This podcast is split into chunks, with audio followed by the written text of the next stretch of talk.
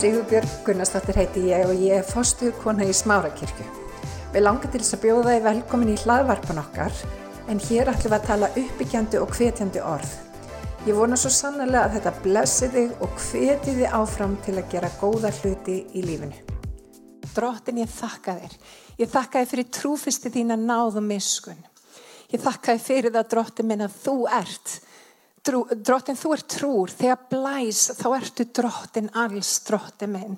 Og ég bara þakka þið fyrir það. Að ég þarf ekki að vera svo sterk drottin, ég þarf bara að reyða mig á þig og þú er sterkur drottin og ég þakka þið fyrir það að við drottin, við berjumst ekki með malli um hætti drottin heldur að við setjum þig í stafnin drottin við látum þig drottin taka bardagan fyrir okkur drottin og ég byrð fyrir íslenskri þjóð á þessari stundu Ég tala frið sem er aðri öllum kringum staðin dróttin minn og fyrir þá sem að voru kannski að missa vinnuna dróttin. Ég tala dróttin von inn í hjarta þeirra og ég tala líka inn í þeirra hjarta sem eru að upplifa vonleis í dag dróttin. Ég tala gleði. Ég tala himneska gleði dróttin og bara tröst dróttin minn sem að aðeins þú getur gefið dróttin í erfiðum kringustæðum. Og dróttin ég byða við mættum komast fljótt úr þessum öldudal en að sama tíma að við mættum læra að þekka þið betur dróttin á þessum tíma, á þessum stað dróttin að við ættum ekki og við ætlum ekki að reyða okkur á eigið hyggjuvit. Við ætlum að reyða okkur á þig heila í fadir og við byggjum í Jésu nafni. Og allir liðinni sagði Amen. Uh, Ég er búin að vera að tala svolítið um hold og anda. Ég er búin að vera að tala um það hvernig við í raunin ráðum því hvort við lifum í holdi eða anda og rítningin talar um þetta mjög viða, hún talar um þetta einmitt til hinnar kristni. Að það er svo mikilvægt og sérstaklega þegar að gangi gegnum einhverja erfileika að láti ekki alltaf holdið svara kringustöðunum heldur að lifi í andanum. Því að andin óttast ekki stormin andin sko svo sannlega óttast ekki stormin og andin veit og þess að vissi Palla þegar hann sagði gleðjist í ímiðskunar raunum. Af hverju? Því að við fáum tækifæri til þess að þrengja okkur nær drotni. Við fáum tækifæri til þess að þroskast í þrengingum sem við fáum ekki á öðrum tíma. Sem það skiptir máli hvað við gerum í þrengingum. Og mér langar til þess að lesa hér í Rómurabrefin í, í kabla 8 í vessi 5. Og það stendur svo, þau sem stjórnast af eigin hag hafa huga með það sem hann krefst. En þau sem stjórnast af andakvöðus hafa hugan við það sem hann vil. Sjálfshyggjan er dauði en hyggja andans líf og friður. Og við viljum frið í dag ekki satt. Amen. Sjálfshyggjan er fjandsamleg guð og lítur ekki lögmáli guðs en það getur hún það ekki. Þau sem lúta eigin hag geta ekki þóknast guði. Uh, ég trúi því að veiran í sjálfs er ekki staðista oknin sem við stöndum fram fyrir akkurat núna. Heldur er það aflengar af veirunni sem er í rauninni staðista oknin sem við stöndum fram fyrir núna. Ég held að við munum upplega meira af geðheilbriðis vandamálum og við sjáum það nú þegar og það er farið að bera á því, það er verið að gera ymsa rannsóknir Það er strax hafinn mjög víða mikil rannsókn einmitt á geðheilbreyðsmálum á Íslandi. Við sjáum aukningu heilsugjastluna. Neiðar nummer 17, 17 er, er, það er hringt oftar í það núna heldur en hefur verið í síðustu mánuði. Það er aukning í heimilisofbeldum, badnavendamálum og svo framvegis og svo framvegis sem er í raunni afleðing af geðheilbreyðsvanda getur verið. Auðvitað er ekki allir sem að, sem að leiðast út í það. En hvernig við hugsum ákvarðar nefnilega hvernig okkur líður. Hvernig okkur líður ákvarðar síðan hvað við gerum. Og hvað við gerum ítrekkar, ítrekkað ákvarða það hver þú ert og hvert þú stefnir í lífinu. Það er nefnilega þannig að við getum verið sigruð af óvinni sem er í rauninni ekki einn sterkur og við sjálfum. Hugafarið, ef að hugafarið er þesslegt og er niðurbrotið og, og hugsar ekki það sem að Guð sér, þá getum við auðvöldlega orðið um, hugsunum okkar að bráð. Og í svona kringumstæðum þá verða mjög margir hugsunum sínum að bráð. Við munum eftir því mörg hver fyrir aðeins 5 eða 6 árum síðan þá var landslið okkar í fókbalta í 130. sæt og heims, heimslistanum. En síðan kom Lars og síðan Heimir og eitthvað breyttist. Við vitum líka að landsliðu okkar er alls ekki það sterkast í fókbalta. Þeir eru ekki klárastir í fókbalta, þeir hafa ekki bestu tæknina, það er engin messi í liðinu, en það er eitthvað sem þeir hafa sem gerir það verkum að þeir vinna saman sem ein heilt. Og það sem að er að virka fyrir þá, og það er það sem að Lars og Heimir komi ítrykkað inn á, það er það að þeir eru farnir að hugsa allir á sömu nótunum, það er komið eining og það er komið jákvægt hugarfar. Og það sem að meira er, það er líka komin ægi í liðið. Við Íslend, Íslendingar eigum svolítið erfitt með aga. En hvað gerðist í liðinu? Allt í einu fóru þeir að sigra miklu starri þjóðir. Út af þeir fóru að trúa að þið gætu það. Allt í einu fyrir möguleikin ekki bara vera möguleiki heldur kraftur hið innra og allt í einu fóru það feta sig upp heimslistan og eru allt í hennu komin í 30. eða 40. sæti eins og staðinni núna. Það hefur með hugarfar að gera. Hugarfarið okkar, gagvart öllum kringustæðin skiptir alveg ótrúlega miklu máli. Óvinnurinn er einfallega einn stór og þú gerir hann. Þessi vírus hefur breytt þjóðfélagin okkar. Það hefur breytt fjölskyldum okkar. Það hefur breytt hvernig við nálgum slutina, hvernig við eigum samskipti við stórfjölskyldun okkar. Það hefur líka gert að verkum að, að sum okkar hafa áhyggjur af fjárhanslegu framtíð okkar. En það sem að vírusin getur ekki gert nema við leifum húnum það. Það er að eigðarleggja hugarfærið okkar. Og vinir, það er enginn sem stendur vörðum okkar hugarfær nema við sjálf. En hvernig eigum að gera þetta. Margir láta hugan reyka og hugsa býtu worst case scenario. Hvað getur gerst fyrir okkur? Verður við bara eins og kúpa norðursins og maður heyrir allar þessa spjallhætti og fólk hefur áhyggjur. Versta sem þú getur gert okkur núna er að láta hugan reyka um það sem að mögulega gæti gerst. En það sem við eigum að gera og það sem að bibljan kennir okkur að gera er að láta hugan vinna fyrir okkur. Og vinir, það er svo mikið leindarmál fólkið því að láta hugarfarið vinna með okkur. Og það stendur hérna í Filipubrefinu í fjórða kabla í áttunda versi að endingu sískin, allt sem er satt, allt sem er göfugt, rétt og reynt, allt sem er elskuvert og gott afspurnar, hvað sem er degð og hvað sem er lofsvert, hugfesti það. Þið skuli gera þetta sem þið hafi bæði lært og numið, heyrt og séð til mín og Guð fríðarins mun vera með ykkur.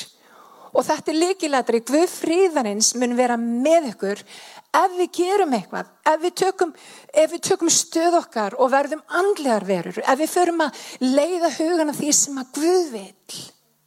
Og vinnir, ekki láta hugan reyka, láta hugan vinna. Láttu hugan fara í ákveðnar áttir og þá myndu sjá að þetta virkar. Hvað hugsaði þú í vikunni sem er göfugt og gott afspurnar? Hvað leiti ég hugana í þessari viku sem er, er, er gott, er uppbyggilegt? Hvað setur eftir? Í gegnum mannshugan fara 60.000 hugsanir á hverjum einasta degi. Og rannsóknir sína að 70% af þeim eru neikvæðar eða svart sínar. Rótin af þunglindu og kvíða og vanlíðan hugsanar eru, eru hugsanir sem ekki bara fari gegnum hugokkar heldur hafa skoti rótum. Sem hafa skoti rótum og, og hafa farið að bera mjög neikvæðan ávöxt. Við þekkjum öll fólk sem hafa fest í einhverju. Eitthvað tíman gerðist eitthvað og hugsuninn, allt líf þeirra breytist og það var fast á þessum tímapunkti. Og það hafa jáfnvel liðið ár síðan. Biblían kallar þetta hugsmíðar. Og hvernig verða hugsmíða til? Það verða til þannig að það eru fyrst hugsanir. Og vitið það við getum ekkert ráðið því hvort hugsanir kom inn í hugan eða ekki, það gerast. En það sem við getum gert er að við getum ráðið því hvort það takki bólfest í huganum. Hugar hugsmíði eru hugsanir sem hafa tekið sér bólsetu. Og gert meir en það farið niður í hjartað og búið til tilfinningu. Og gert meir en það farir niður í fætur okkar og bundið okkur.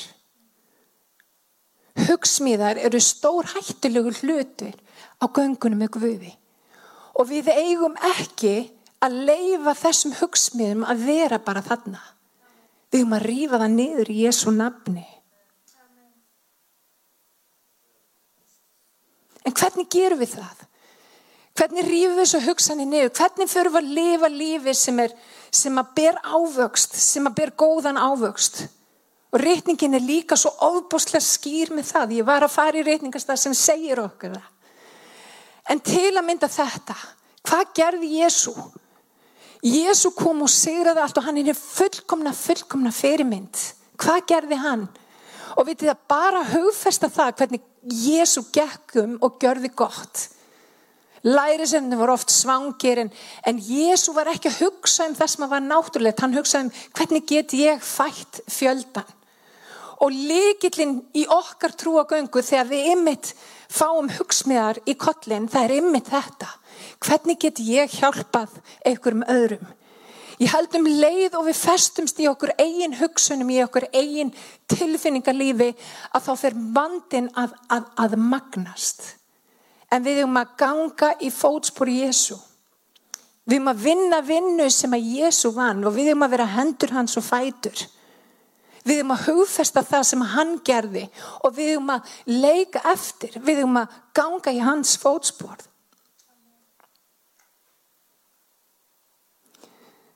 Hvernig gerum við þetta? Ef við brjóðum þetta niður. Margir hafa undanfarið verið að taka til heimi á sér í þessum frítíma sem hefur myndast. Hvernig væri vinir að taka til líka í hugarfarinu sínu? Það eru ákveðin hlutir í, líf, í, í lífum okkar sem er ekkert að bera góðan ávöxt. Og mér fannst mjög aðdeglisvert að, að börnum mín voru að tala um það í, hvort það var í síðustu viku, byrjun síðustu viku. Þau sögðu, mamma, þetta er bara besti tími lífs okkar. COVID var sérst besti tími lífs þeirra. Af hverju? Út að ég var bara meira á svæðinu og vitið það Guð hefur sínt mig fram á það að ég get gert ákveðna breytingar sem gerir það verkum að ég er meira andleg. Ég er meira til staðar fyrir ekki bara mig, ekki bara fyrir maka minn heldur líka fyrir börni mín. Fyrir þá sem ég þykir væntum, fyrir kirkuna mína. Ég held ofta á tíðum að við flækjum hlutuna, við, við, við, við erum að gera allt, allt, allt og margt. En vitið það á þessum tíminn þegar við höfum öll verið að taka til í bílskurnum okkar þá er tími til að taka til í lífum okkar líka. Og við gefum okkur náð til að, að gera það sem við eigum að vera að gera. Forgámsraða rétt. Taka aðrar ákvarðinu með líf okkur og fara að taka til. Það er sumt sem á ekki að vera. Það er jáfnveil fólk sem við þurfum að fara að slepp úr hug okkar. Það er jáfnveil fólk sem við þurfum að, að fyrirgefa. Það er jáfnveil fólk sem við þurfum að blessa á aðra slóðir heldur en kannski nálagt okkur. Kannski það er eitthvað sem við þurfum að gera í dag. Rensa til í lífum okkar. Númið tvö, við fyllum okkur á réttum hugsunum. Í öðru korundabrefi í tíunda kapla þá stendur ég brýt niður hugsmíðar og allt sem reiki sér upp gegn þekkingun og guði og ég herrtek sérkvera hugsun til hlýðni við Kris. Þannig að hvað við hugliðum þegar við herrtökum hugsa um hvað við hugleðum skiptir alveg gríðarlega miklu máli. Og það er oft talað um núna varandi jók og annars líkt að það er allir í hugleðslu og fólk á að tæma hugan. Það er ekkert sem heitir að tæma hugan. Það er nöðsilegt ymmit að fylla hugan af einhverju sem skiptir máli. Einhverju, einhverju ofinberun, einhverju lovorði frá Guði, eitthvað sem að, sem að ber þennan jákvæða ávöxt. Vinnir á tímum COVID að þá eigum við að vera eins og örnin Og hvað gerur örnin í storminum? Hann sér stormin sem áskorun um að fljúa hærra. Og ef við mættum sjá áskorun lífsins einmitt þannig, tækifæri fyrir okkur til að fljúa hærra. Vinnin, örnin, hann leikur sér ekki við kjúklinga. ég er ekki að kalla neitt kjúkling í dag, ég er bara að segja ykkur. Örnin leikur sér ekki við kjúklinga. Hann flýgur herra og við eigum þegar við vonum á drottin að fá nýjan kraft. Þannig að á þessum tímum þegar stormurinn geysar og, og vindar blása og við vitum ekki hvert við erum að fara, í staðin fyrir að gera eitthvað, láta hugan reyka eða reyna að tæma hugan, fyllum hann að lofurðin guðs. Fyllum hann að lofurðin guðs og förum að fljúa herra. Nótum stormin sem áskorun að fljúa herra í Jésu nafni. Takk Jésús. Daví konungur var yfir þessi einstaklingur sem að kunni þetta fljúa herra. Magnaði maður en hann var líka mjög mistækur. Rítningin nefnilega kennir, hann var maður eftir Guðs eigin hjarta sem er í rauninu mjög sérstakt og það var mjög syndugur maður að mörgu leiti, var alltaf í ykkur í bulli. En það sem að Davíð hafði er eitthvað sem er til eftirbreytni. Hann var konungur en hann hafði samt auðmjúkt hjarta. Auðmjúkt hjarta kakvart guði og hann var fljótur að yðrast. Og Davíð var þannig að þegar hann horfði á sinn góliat þá sá hann ekki stærð góliat, hann sá stærðin á guði. Hann hugsaði ekki eins og allir hinnir, ó ég er svo hrættu við Góliat, hann er svo stór. Davíð hugsaði, nei, Góliat er svo stór, ég get ekki mist margs. Hann hugsaði öðruvísi, vinnir. Og vinnir, það er tækifæri fyrir okkur í dag að hugsa öðruvísi. Þessar kringustæðir eru þannig að Guð, Guð getur séð um þær. Guð getur komið með nýja sín, getur komið með nýtt uppæð fyrir þessu þjóð. Guð er engin hlutur um megn má ég heyra henn en það segir og náttúrulega í sálmónum þá er Davíð svo mikið við mitt að, að lofa Guð. Stundum er hann reynda mjög mikið að barma sér. En á öðrum stöðum þá fyrir hann að lofa Guð. Og einu stað þá segir hann lofaðu drottin sála mín. Hann hefur örgulega verið beigður á þessum tíma og ekki liði vel. Og sálan sem er tilfinningalífið og hugsanir og, og raukhyggjan sem að getur farið með okkur út í alls konar gönur. Hún stundur lætur ekki að stjórna, þá þarf andi okkar að taka stjórn og segja lofaðu drottin sála mín. En Davíð hann lendi í ímiðskonar raunum. Og í fyrri Samuelsbóki, 30. kabla, að þá var Davíð þarna, hann var búin að vera útlægi í langan tíma þegar þarna er komið við sögu og menninni sem hann hafði kom, veist, hafi, eh, komið til hans voru líka útlagar. Þetta var í rauninni fólk sem hafi brent alla brýr. Fólk sem hafði ekkert í þú veist, hafði í rauninni átti hverki heima. Og þegar er komið við sögu að þá eru menn hans Davís ásamt Davíð að koma heim úr einhverju frækinni ferð aftur til Siglag. Og hér stendur Þegar Davíð og menn hans komið til borgarinnar sáu þeir að borgin var brunnin og konum þeirra, sónum og dætrum hafði verið rænt. Þá tók Davíð og hérinn sem með honum var að gráta hástöfum. Þeir gretu þánga til því megnuði ekki að gráta lengur. Þetta æðislegt vers. Það er nefnilega gott að gráta. Í versi 6. Davíð áttu nú í vöga verjast. Liðsmenn hans vildu gríta hann, svo betrir voru þeir vegna svona sinna og dætra. En hvað gerði Davíð? En Davíð leitaði styrks hjá drótni.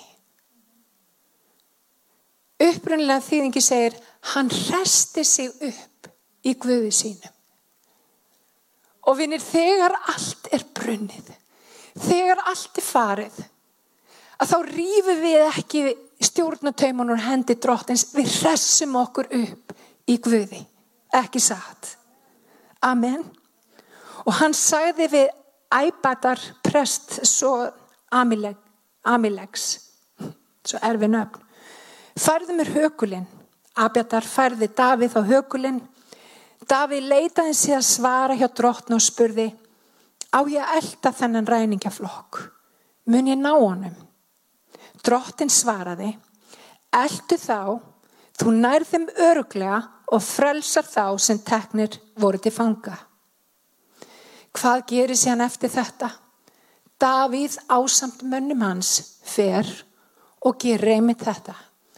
Það var eftir engin borið neitt tjón. Það var engin sem að misti lífið af þeim sem að hafði verið rænt. Allir komist heil og höldnu aftur heim til sín. Og vitið það, þetta er það sem að Guð gerir aftur og aftur og aftur í orðið sínu. Þegar fólk leita drottins, þá gefur fólk, þá gefur Guð í visku. Það gefur í visku til þess að til þess að mæta kringustánum og mæta þeim með, með þekkingu, með visku. Og viti hvað gerist? Aðeins þrem sólarhingum cirka bát eftir þennan viðburð, eftir mesta ósigur sem Davíð hafði upplifað, þá var hann kryntur konungur í Ísrael. Hvað segir þetta okkur, vinnir? Mér finnst þetta alveg magnaðu kapli út af því að Davíð hafði marga fjörun og sopið. En þegar vindar blésu, þegar stormur geysaði, þá reyndi Davíð ekki að finna út úr hlutunum. Hann resti sig upp í Guði sínum. Hann leitaði fanga hjá drotni. Hann leitaði ráða hjá drotni og hvað gaf Guð? Hann gefur öllum örlátlega og átölu löst. Hann gefur. Hann er tilbúin að veita okkur það sem við þurfum. Ekki leita langt yfir skamt á þessum tíma sem við lifum á. Restuði upp í Guði og sjáðu hvernig vilji Guðs með lífið nær fram að ganga. Og mér langar til að byggja hér að lokum að við mættum fá tækifæri með til þess að, að resta okkur upp í Guði. Ekki leita langt yfir skamt heldur, gera það sem Daví gerði Hressum okkur upp í Guði. Drottin, viltu gefa okkur ná til þess að leita þín á þessum tíma sem við lifum á, þessum alvarlega tíma, drottin. Því að við viljum fá ráð, við viljum fá visku, við viljum fá skilning frá þér, drottin. Við viljum ekki hlaupa eða gera eitthvað í eigi mætti. Við viljum, drottin, vera tengð þér, drottin. Og ég byrjum að gefa okkur kraft. Ég byrjum að gefa okkur djörfung til að segja skilið við þetta gamla drottin stíðin í þetta nýja drottin og, og, og leita þín fylla hug okkar af, af þér drottin. Og ég byrði drottin að allir þeir sem er að horfa drottin mætu upplifa drottin frið sem er æðri öllum kringustöðun drottin sem aðeins þú getur gefið. Og ég þakka þið frelsari minn fyrir að hafa dáið fyrir okkur. Gert hennan vega drottin, verið þessi milligöngum maður, milligvöðs og manna. Ég þakka þið frelsari minn í Jésu nafni. Mér langar að lókum áður en við endum þessa stund að bjóða þér sem ert að horfa og þú er kannski að heyra sérstökur, kannski fyrsta skiptið. Þú er aldrei heyrt um Jésu eða, eða allavega þekkir hann ekki. Þá er Jésu bara einni bæn í burtu. Réttingin kennir að ef þú trúir með hjartanu og ofta er það þannig þegar maður heyrir orguðs að það er einhver trú sem að kviknar því orguðs kemur aldrei tómt tilbaka ef að þú trúir þessi, það þarf ekki nema sákorn trúar og þú játar með vörunum þá myndir hólpin verða. Þannig að bænin er í rauninni afskaplega einföld frelsisbænin og þessi, þessi vegur til sannleikans er svo afskaplega einfaldur. Það er að trúa og játa. Og mér langar til þess að bjóða þér að taka þátt í bæninu með mér og byggja eftir mér. Og bænin er svona. Kæri Jésús Ég trú að þú hafi dáið fyrir mig. Ég trú að þú hafi risið upp frá dauðum. Ég byrðum að komin í hjarta mitt í dag. Ég byrðum að reynsa mig af allri synd. Ég byrðum að fylla mig af heilugum anda. Ég byrðum að ganga með mér hvern einasta dag. Drottin Jésús, ég þakka þér að ég nú þitt barn. Í Jésu nafni. Amen og amen. Ef að þú varst að byggja þessa bæni í fyrsta skipti þá hveti þig til að setja í samband við okkur í smárakirkju og við aðstöðum þig á varandi næstu skrif. Ég hveti til að stilla inn á okkur með reglum hætti því að hér verður alltaf eitthvað nýtt á nálinni. Takk fyrir að hlusta.